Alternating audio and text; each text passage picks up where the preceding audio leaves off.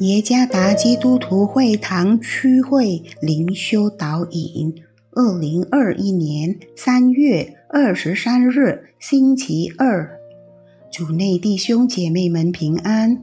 今天的灵修导引，我们要借着圣经马可福音第五章二十五到三十四节来思想今天的主题：信心克服障碍。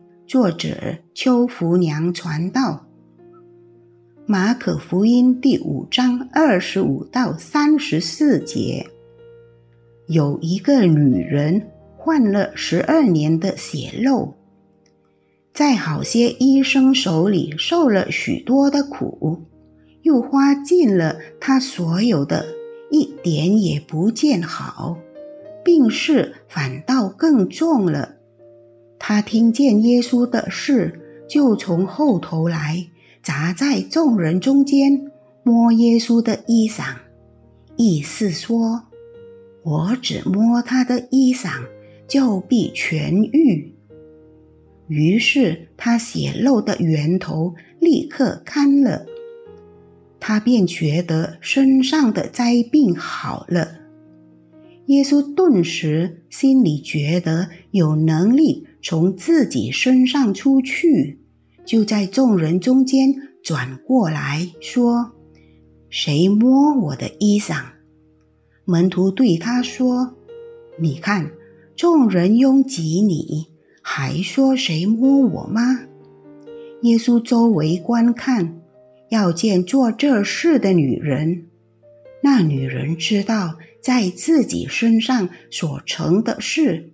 就恐惧战惊，来俯伏在耶稣跟前，将实情全告诉他。耶稣对他说：“女儿，你的信救了你，平平安安的回去吧。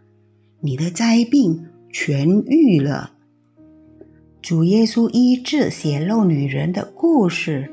发生在主耶稣要去治愈雅鲁的女儿的旅程中，这看似不在耶稣的计划中。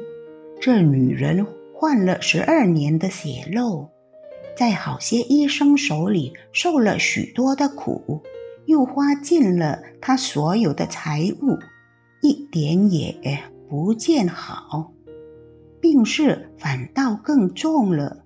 这样的情况。会使一个人沮丧、绝望、失去希望，并可能会促使某人自杀。这女人不一样，当她听说有关耶稣时，她相信耶稣能够治愈她。她对耶稣的信心使她勇敢地闯入人群中，根据宗教法律。这女人不允许与任何人接触，因为她接触的人肯定是变为不洁。但是为了得着医治，她敢于违法。最终，她摸着了耶稣的衣裳。上帝透过医治她，彰显了他的旨意。这女人的信心只专注于耶稣，信心应该使我们勇敢突破各种障碍，并非远离上帝。越是远离上帝，内心的失望越多。障碍会源于我们不愿就近神，长期生活在无尽的痛苦中。可能使我们自怜或深感失望，对上帝的冷漠对我们的信心成长具有破坏性，甚至成为毒性。信心成长的最大障碍是我们自己。主耶稣赐福。